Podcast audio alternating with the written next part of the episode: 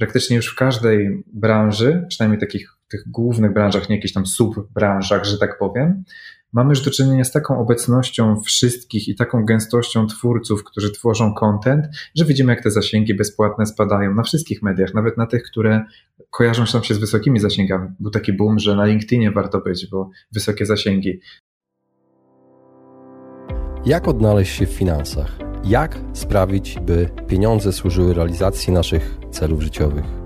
Na te oraz inne pytania odpowiadają goście podcastu Po ludzko o pieniądzach, którego partnerem jest General Investments TFISA i który mam zaszczyt prowadzić. Nazywam się Radosław Budnicki, na co dzień prowadzę podcast Lepiej Teraz i nie jestem internetowym guru zarabiania. Rozmawiam tylko po ludzku o pieniądzach z ekspertami, którzy zrozumiałym językiem tłumaczą zawiłości finansów i to, jak sprawić, by pieniądze nam służyły, a nie nami rządziły. Serdecznie zapraszam.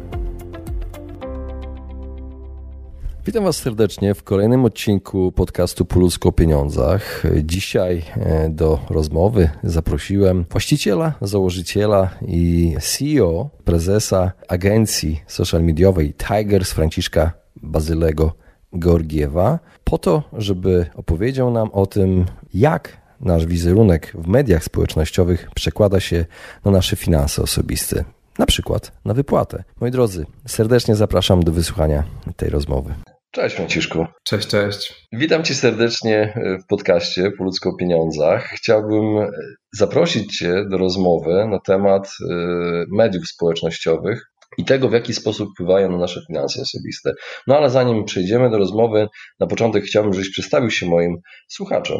Kim jesteś, czym się zajmujesz na co dzień? Jasne. Na co dzień zarządzam firmą, którą założyłem 6 lat temu już, czyli agencją niegdyś Social Tigers, obecnie Tigers, ponieważ te kompetencje się poszerzyły. E, no i temat, który tutaj będziemy poruszać jest mi bardzo bliski, no bo agencja Głównie zajmowała się przez lata social mediami, teraz szerzej digital marketingiem. E, z tego zakresu też szkolimy, tworzymy różnego rodzaju materiały edukacyjne, aczkolwiek trzonem jest współpraca z dużymi markami przy takich działaniach marketingowych. Mhm. Y, jak poznaliśmy się kilka lat temu, pamiętam, że prowadziłeś wystąpienia, w dalszym ciągu prowadzisz wystąpienia różnego rodzaju. To było na Uniwersytecie Warszawskim, pamiętasz? Tak, tak. E, zrobiłem turnę po wszystkich uniwersytetach swego czasu w Warszawie, e, wszystkich uczelniach, bo nie wszystkie mają status też e, uniwersytetu, ale ogólnie rzecz biorąc jak najbardziej, tak. Prowadzę wystąpienia zamknięte dla dużych firm w stylu trzeba przeszkolić 200 sprzedawców z budowania personal brandu w social media, albo trzeba przeszkolić, nie wiem, 8-osobowy dział marketingu z zakresu, nie wiem, Facebook Adsów na przykład, czy jakiegoś tam digital marketingu właśnie, ale też prowadzę szkolenia otwarte dla szerszej publiczności, które no już są odpowiednio e, bardziej gdzieś tam dostępne, więc te wystąpienia cały czas się pojawiają. Ja to lubię robić, robię to od lat. Ludzie to wysoko oceniają, więc nawet głupio to tak porzucić, bo czasem przyznaję, że jest tego za dużo trochę, ale no jak dostaje się pozytywny feedback, to jest takie trochę nakręcające i ciężko z tego, ciężko z tego wyjść, bo wiem, że to też pomaga ludziom. Może to było już chyba 4 lata temu, jak się spotkaliśmy wtedy. Tak, tak, tak. Aczkolwiek teraz rzeczywiście robię tego mniej, tylko teraz jestem starszy i bardziej zmęczony, więc mój próg bólu się zmienił, że tak powiem. Rozumiem. E, dużo się teraz zmieniło w ciągu ostatniego roku. E, zastanawia mnie, co zmieniło się w Twojej pracy od momentu wprowadzenia ograniczeń, lockdownu, pandemii. Wiesz co, tu może zaskoczę Ciebie i Twoich słuchaczy, ale praktycznie nic. W sensie mieliśmy pewien bardzo trudny moment w momencie, kiedy te obostrzenia zaczęły się pojawiać, e, kiedy firmy zaczęły panikować. Mieliśmy dużo klientów z branż, z branż zagrożonych, jakby dużo mocniej tymi obostrzeniami. E, w wyniku czego rzeczywiście był bardzo duży spadek z przychodów tam z miesiąca na miesiąc, ale w krótkiej dosyć perspektywie udało nam się odbudować w tych nowych sektorach e-commerce i sam taki rytm pracy e, zespołu się nie zmienił. Pracujemy rotacyjnie zamiast e, cały czas stacjonarnie wszyscy na kupie, że tak powiem.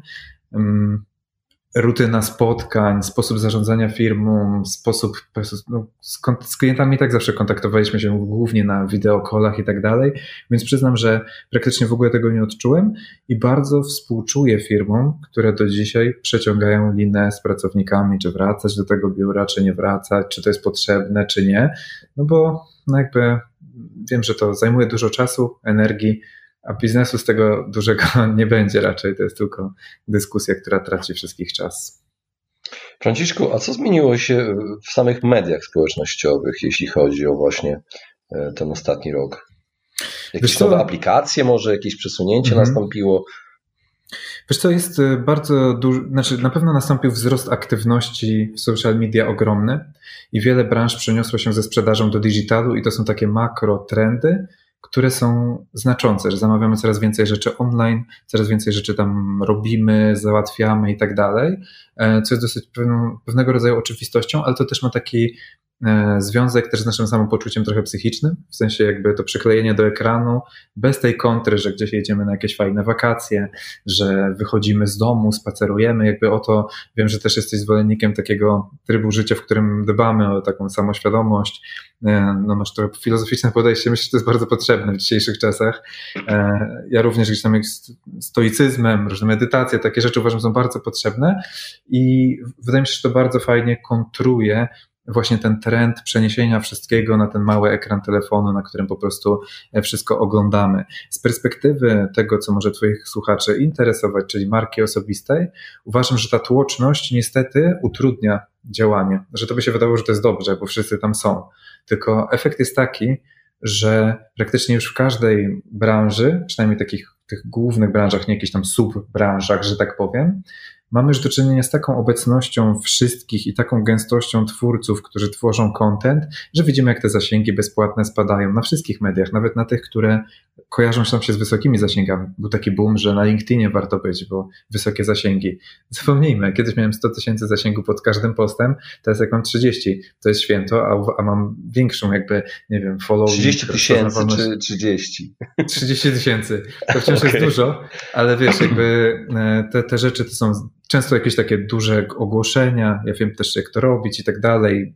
W jakiejś tam branży marketingowej sporo osób śledzi to, co robimy, więc jakby chętnie to podaje dalej, więc wiadomo, że jest to i tak bardzo fajnie, no ale no widać ten spadek. Na TikToku, dla którego prowadzimy działania dla klientów, też widać spadek, więc mam trochę takich złych wiadomości niestety, e, mhm. które wiążą się z tym, że no, jest trochę trudniej. Oczywiście są na to odpowiedzi i na pewno będziemy o tym rozmawiać, ale, ale, ale to jest chyba taki główny, że ten przesyt digitalem wcale nie, nie jest dobry dla, dla nas jako użytkowników i biznesów działających e, w digitalu. Mhm. No ale widzisz, ale pojawiają się nowe platformy. Pojawiają, jesteś, tak, na tej, tak. jesteś na tej nowej? Na Clubhouse tak, mam, jestem dosyć od bardzo wczesnego gdzieś tam momentu. E, jest to na pewno ciekawe okno, mm, w ramach którego można podziałać, spróbować coś zrobić. Jest jeszcze utrzymana ta elitarność e, Clubhouse jako platformy, ale szczerze nie wróżę jakiegoś długoterminowego sukcesu. Uważam, że moment, kiedy ona przestanie być elitarna, który nadchodzi wielkimi krokami i już teraz dochodzi do pewnego. To jest ten sam cykl życia każdej platformy social mediowej. Niektóre platformy skutecznie to przedłużają ten swój cykl życia z dużym powodzeniem, jak nie wiem, Facebook, LinkedIn czy YouTube. One od lat są i jeszcze długo będą, ale jednak wiele, zwłaszcza tych nowych, świeżych platform ma ten taki etap, kiedy wszyscy są ciekawi, chcą konsumować content, ale trochę boją się wrzucać swój content i to jest ten moment na Clubhouse, kiedy jeszcze dużo ludzi chce słuchać, więc jest to dobry moment, żeby tam wejść ale zaraz wszyscy będą chcieli tylko gadać. A to już nie jest dobry moment na żadnej platformie. No i na większości platform mamy coś takiego, że już każdy chce być, wiesz, youtuberem. Podcasty pewnie też zauważyłeś, że mnożą się po prostu tak. jak grzyby na deszczu, a było to okno, które zresztą doskonale myślę wykorzystałeś oczywiście jakością kontentu i tak dalej, no ale jakby pewnie gdybyś zaczął dzisiaj, byłoby ci dużo ciężej się przebić. Chociaż wierzę, że ten jakościowy content może się przebijać. No i wiesz, jakby tak to, tak to mniej więcej wygląda. Więc jakby w Clubhouse fajne okno, ale nie przywiązujmy się do tego.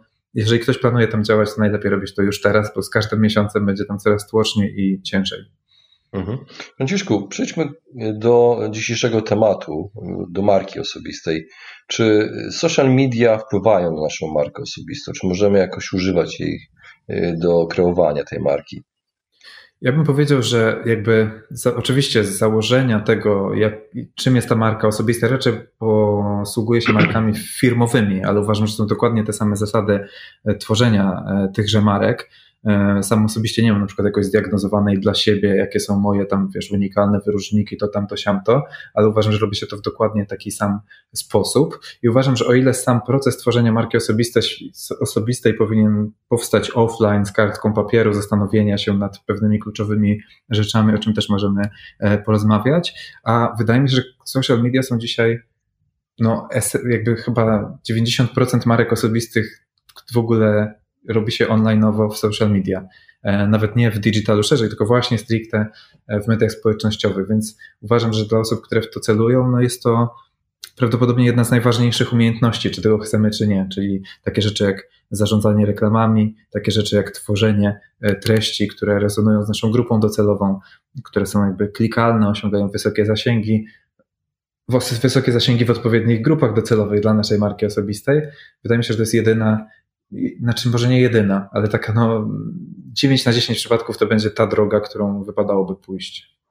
Mhm. A powiedz, y, jak y, nasz wizerunek w tych mediach społecznościowych, kiedy pokazujemy, przekłada się na nasze finanse osobiste? Czy widzisz jakąś y, korelację między wypłatą a tym kreowaniem mediów społecznościowych?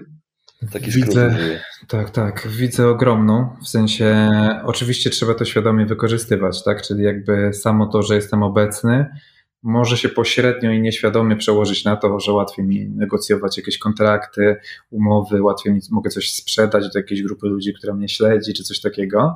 Więc jakby jasne, dostaję jakieś propozycje samoistnie, które normalnie nie byłyby generowane, no ale jednak to wszystko powinno się brać z pewnych świadomych działań.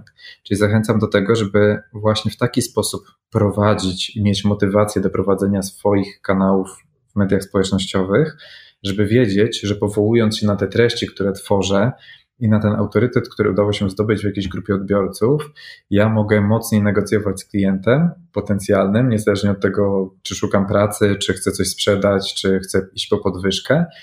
E, jakby powołać się na to nawet wprost i jakby tak prowadzić te kanały społecznościowe, żeby ten profesjonalny, czy może w niektórych branżach zabawny, czy jakiś wizerunek, który chcemy osiągać, żeby rzeczywiście generował nam te większe rezultaty. Bo takie prowadzenie, często podchodzimy do tego samoistnie, że jak wiele osób myśli, że marketing social media to jest tworzenie tam harmonogramów postów i ich tam wrzucanie. No jak podejdziemy do tego, to efekty w ten sposób, to efekty tego będą raczej mizerne, no bo nie robimy tego w świadomy, zaplanowany sposób. Ale kiedy powiemy sobie, że ja w ciągu, nie wiem, sześciu miesięcy przygotuję trzy bardzo obszerne artykuły eksperckie w obszarze, nie wiem, zarządzania chmurą w jakimś tam ekosystemie na przykład, tak? I dodam na LinkedInie do kontaktów ludzi wcześniej z tej branży, w której takie rozwiązania są potrzebne mm, i zadbam o dystrybucję tego kontentu, czyli udostępniam go na grupach, e, wrzucę na jakiegoś bloga, na jakieś tego typu rzeczy, to wtedy zacznie to przynosić bardzo namacalne rezultaty. Tylko to jest proces, który trzeba po prostu mm, starannie zaplanować, odpowiedzieć sobie na te jakby takie najbardziej trywialne pytania, ale paradoksalnie praktycznie mało kto sobie je zadaje, czyli po co ja coś robię, jaki jest na to gdzieś tam plan na parę miesięcy do przodu, czym ja to zmierzę, tak? Czyli na przykład, że chciałbym, żeby pod tymi artykułami na LinkedInie, pod każdym było przynajmniej 100 podań dalej.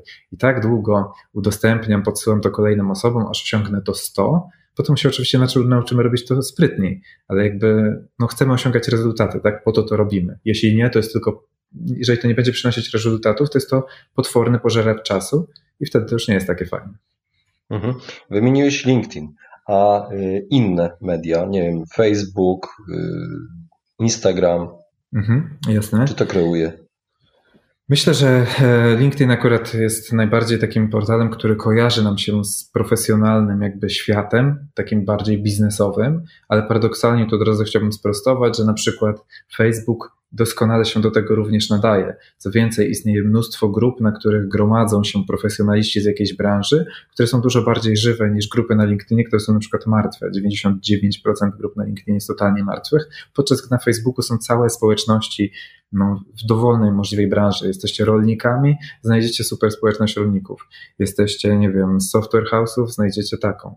Lubicie wyszywać, wiesz, sweterki po godzinach, też znajdziecie taką i tam możecie jak najbardziej znaleźć swoją obecność. Więc jakby e, Facebook jest najbardziej, wydaje mi się, takim uniwersalnym narzędziem, które oferuje mnóstwo unikalnych, znaczy unikalnych jak unikalnych, bo inni jakby powtarzają te rozwiązania, ale możemy live'ować, tworzyć wydarzenia, uczestniczyć w grupach, e, randkować nawet, chociaż to akurat biznesowo może mniej e, istotne. Przeróżne rzeczy w ramach tego Facebooka możemy robić, jest to proste, intuicyjne i przez masę ludzi, która z niego korzysta, jest to bardzo naturalny i fajny wybór. Na pewno są branże, które doskonale odnajdą się na Instagramie. To znaczy,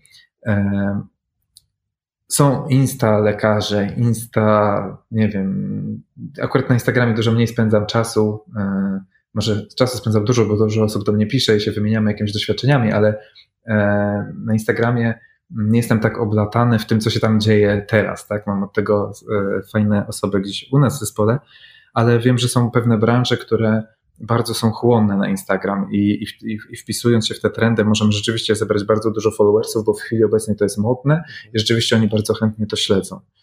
Na pewno zdrowie i fitness, co zauważyłem z mojej perspektywy przynajmniej. Nie wiem, czy to algorytmy tak mi podrzucają, to też jest triki, mm -hmm. ale, ale tak, tak jak widzę, jeżeli mówimy o takim profesjonalnym prowadzeniu, to właśnie widzę zdrowie i fitness, ten sektor jest bardzo aktywny na Instagramie. Tak, on jest taki kla klasycznym takim, w sensie on to do dzisiaj bardzo mocno tam dominuje. Rzeczywiście z tymi algorytmami trzeba uważać, myślę, że tak dla twoich słuchaczy e, nie, jakby, no ty sam to podkreśliłeś, więc zdajesz sobie z tego sprawę, ale na przykład wiele osób nie zdaje sobie tego sprawy, jak bardzo spersonalizowane są te rekomendacje treści, czyli jeśli wy widzicie na Instagramie samo wideo, to nie znaczy, że Instagram jest platformą wideo, tylko w wideo klikacie. Jeśli to są sami insta lekarze, to znaczy, że to was interesuje. Ale rzeczywiście ten algorytm pewne modne branże niesie bardzo i znam ludzi, którzy próbują iść pod prąd, tak? Sam nawet robiłem cykle takie biznesowego pokazywania, prowadzenia firmy od środka na swoim Instagramie, ale w momencie, kiedy wrzucałem to na LinkedIna na przykład, to się niosło no 30 razy bardziej, łatwiej, lepiej. Więc jakby fajnie jest czasem pójść pod prąd, ale szczerze powiem Ci tak z doświadczeniem, z, jakby z kolejnymi latami gdzieś tam spędzonymi w tych ekosystemach social media, widzę, że nie, nie, nie zawsze warto próbować to oszukiwać. Jeśli pasujemy do LinkedIna, to to, to zróbmy tego LinkedIna, bo jest profesjonalny. No i na pewno jakby jest jeszcze YouTube jako taki jeden z głównych z tej wielkiej czwórki, powiedzmy Facebook, Instagram, YouTube, e, LinkedIn, mm, który wymaga dużego zaangażowania w długim jakby oknie czasowym, więc jakby jest to na pewno czasochłonne bardzo medium, ale również bardzo wdzięczne, które jeżeli wstrzelimy się w te propozycje filmów, e, one, one rzeczywiście użytkownicy w to klikają i tak dalej, generuje nam bardzo duży bezpłatny ruch po jakimś konsekwentnym czasie działania, a umówmy się, produkcja i montaż filmów, zwłaszcza na początku, nie jest zajęciem lekkim i przyjemnym, że tak powiem. Mhm. Y, zastanawiam się, czy znasz osoby konkretne, które dzięki mediom społecznościowym poprawiły swój status finansowy? Myślę, że jakby nieskończenie wiele. W sensie jakby wiesz, no znam z takich nawet firm, z którymi na początku gdzieś tam sami współpracowaliśmy, które dzisiaj już może nie do końca są naszymi potencjalnymi e, klientami, ale nawet jacyś pojedynczy dietetycy, e, pojedynczy trenerzy personalni właśnie, ale też wychodząc z branży, no w zasadzie ja bym raczej odwrócił pytanie, czy ktoś, kto dobrze korzysta z social media, no nie zarobił na nich. W sensie to jest jakby bardzo, bardzo trudno znaleźć takie osoby, które, u których pomimo aktywnego korzystania w skuteczny sposób z tych mediów społecznościowych, nie widać tego przełożenia na biznes. I to są często, czasem to jest sprzedaż wprost, czasem to jest jakiś status eksperta, dzięki któremu te osoby są, nie wiem, zapraszane na jakieś płatne wystąpienia, a czasem jakieś bardziej, mniej wymierne rzeczy, typu lepsza pozycja w pracy, większa atrakcyjność na rynku pracy, więc, więc mnóstwo. Nie wiem, taki top of mind przykład, który mam to e, dietetyk Jakub Mauricz, z którym pracowaliśmy mm, przez dwa lata u początku gdzieś tam istnienia e, firmy, którą prowadzę. No i to, to były naprawdę setki tysięcy złotych w sprzedanych szkoleniach, bardzo wyraźny status, jakby takiego guru dietetyki sportowej, zwłaszcza w branży sportów walki, e, zwłaszcza, że to było też wtedy skorelowane z pewnymi trendami, jeśli chodzi o dietetykę, które, na której Kuba wtedy bardzo mocno też płynął, bo akurat tak się złożyło, że się taką dziedziną dietetyki, można powiedzieć, zajmował. No. Mhm. Czyli tworzenie wizerunku eksperta, bo miałem Cię zapytać właśnie o metody zarabiania dzięki mediom społecznościowym. Tworzenie wizerunku eksperta to jest, tak? Czy coś jeszcze? Wiesz co, no jakby to, to na pewno, tylko widzę takie niebezpieczeństwo, żeby wejść w jak największe konkrety. Mm, dzisiaj tych ekspertów, tak jak wspominałem, od każdego tematu jest po prostu multum, prawda? W sensie jakby jedni są lepsi, drudzy gorsi, już jakby tego nie oceniajmy, no ale jakby jest e, na każdym możliwym froncie jest już, jest już ogromne nasycenie, poza jakimiś tam nielicznymi wyjątkami, no ale uogólniając, jeśli ja chcę się przebić w tym tłumie tych ekspertów, to ze swoimi treściami muszę pójść jeden poziom głębiej. Czyli zamiast powielać te same ciekawostki, informacje podane w podobny sposób, jednak muszę znaleźć unikalne wyróżniki, unikalny sposób tego, jak to robię. Być może powinienem nazwać moją metodę działania w jakiś tam sposób. Już nie mówię, że tak po amerykańsku, że tam jeszcze znaczek, trademark do robić i tak dalej, ale e, szukamy bardzo e, konkretnych rzeczy, które są inne niż konkurencja. Robimy te rzeczy pod naszą grupę docelową. Czyli nawet jeżeli jest mnóstwo ekspertów w temacie, niech będzie nawet z mojej branży, Facebook Ads, to wszyscy ci ludzie robią dokładnie te same szkolenia z dokładnie tym samym programem i albo rywalizują ceną, albo jakimś, nie wiem, kto ma więcej logosów na stronie, albo coś takiego.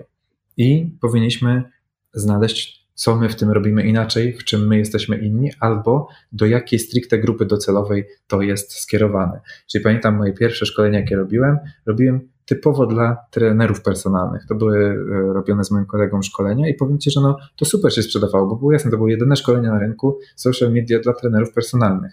A w momencie, kiedy akurat teraz mam bardzo silną markę, więc się dobrze sprzedaje, no powiedzmy, gdybym teraz wchodził jako szkoleniowiec Facebook Ads od zera, to to nie miałbym żadnego powodzenia, no bo musiałbym znaleźć ten wyróżnik. I łatwo jest przez ten przejść i mówić, no dobra, to może teraz, e, to, ale to powiedz, jak tam zrobić wysokie zasięgi. Ale właśnie esencją tego, co ludzie robią źle w mediach społecznościowych, to jest to, że idą od razu do tej narzędziówki, czyli wrzucania tych postów, generowania zasięgów, a w ogóle nie myślą o tym, czy to rezonuje z ich grupą odbiorców, czyli w ogóle nie robią żadnych badań. Zwróć uwagę, że Social media to jest doskonałe miejsce, gdzie możemy przebadać swoją grupę docelową. Wrzucamy, wrzucamy ankietę na grupę, tak? W sensie, gdzie są nasi klienci i pytamy ich, co was wkurza w branży X, co was, co najbardziej cenicie, co by sprawiło, że ocenicie usługę 11 na 10 i dostajemy mięso do kontentu, z tego się robi te właśnie te posty, a nie tam takie posty pisane takim rytmem jak PKP, że wiesz, no masz problem tam z tarczycą, to kup sobie tam, wiesz, y, jakąś tam pigułkę. No i wiesz, no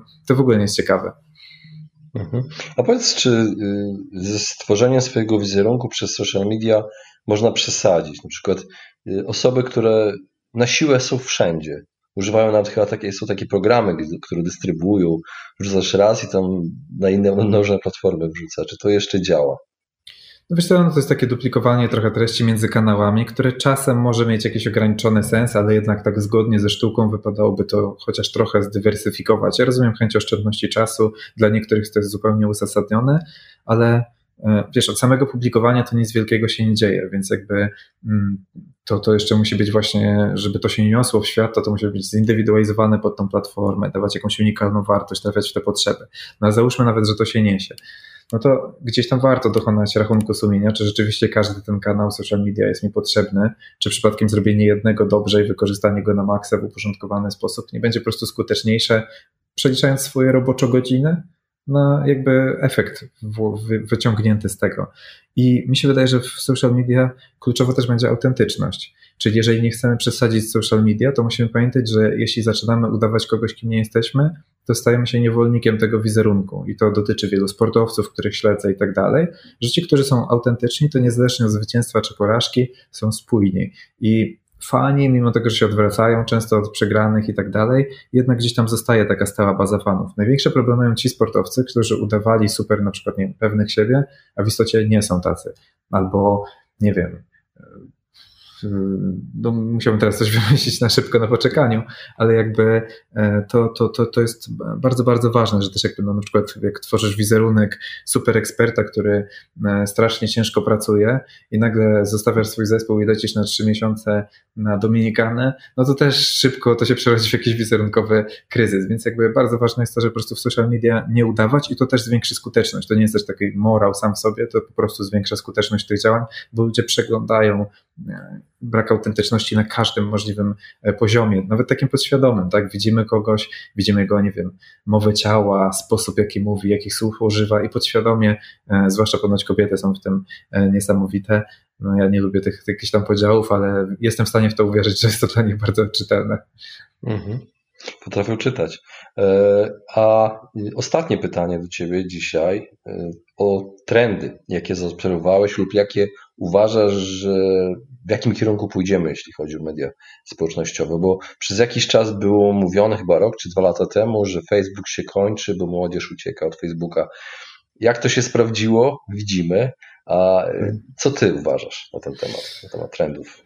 Wiesz co, no, jak, jakby hmm, rzeczywiście o tym umierającym Facebooku ja tak już od pięciu lat mniej więcej słyszę, a w międzyczasie widzę tylko coraz większe wzrosty e, aktywności użytkowników na tej platformie, więc jakby e, rozumiem, że jak wszystko, co jest rzadkie, czyli na przykład nastolatek, który nam mówi, że nie korzysta z Facebooka, zwraca naszą uwagę, podczas gdy większość naszego otoczenia jednak z aplikacji Facebooka korzysta. Szczególnie zwróć uwagę, że aplikacje Facebooka to nie jest tylko Facebook, to jest Instagram, Messenger, WhatsApp, WhatsApp i pewnie niedługo kolejne, więc można powiedzieć, że nawet gdyby Facebooka za trzy lata raził jakiś piorun czy inny skandal, chociaż te skandale bo dosyć mocno po Facebooku póki co spływały, e, no to mamy cały szereg innych aplikacji, które doskonale sobie radzą.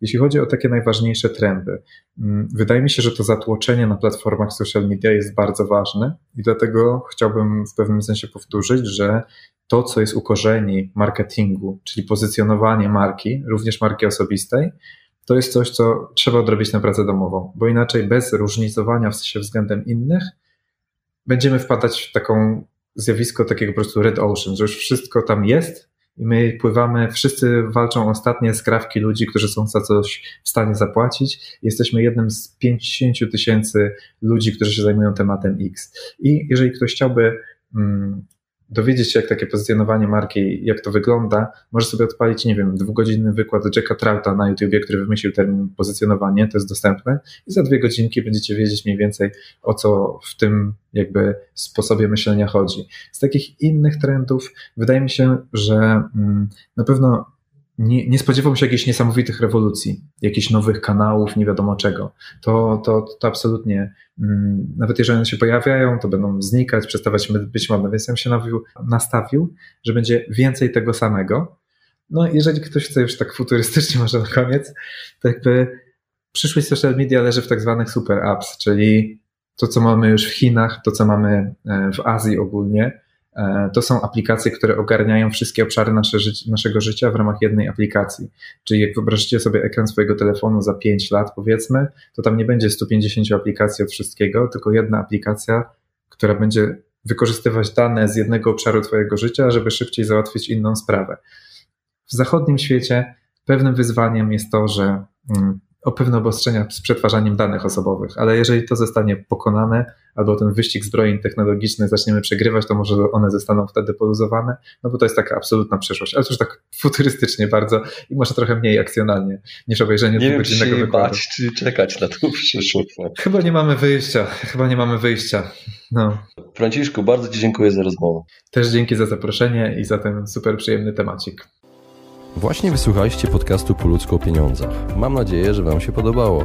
Jeśli tak, poświęćcie swój czas, proszę pozostawić swoją recenzję na Apple Podcast. Jeżeli macie pytania lub propozycje dotyczące kolejnych audycji, piszcie do mnie na fanpage'u Po ludzku o pieniądzach i do usłyszenia następnym razem. Pozdrawiam serdecznie.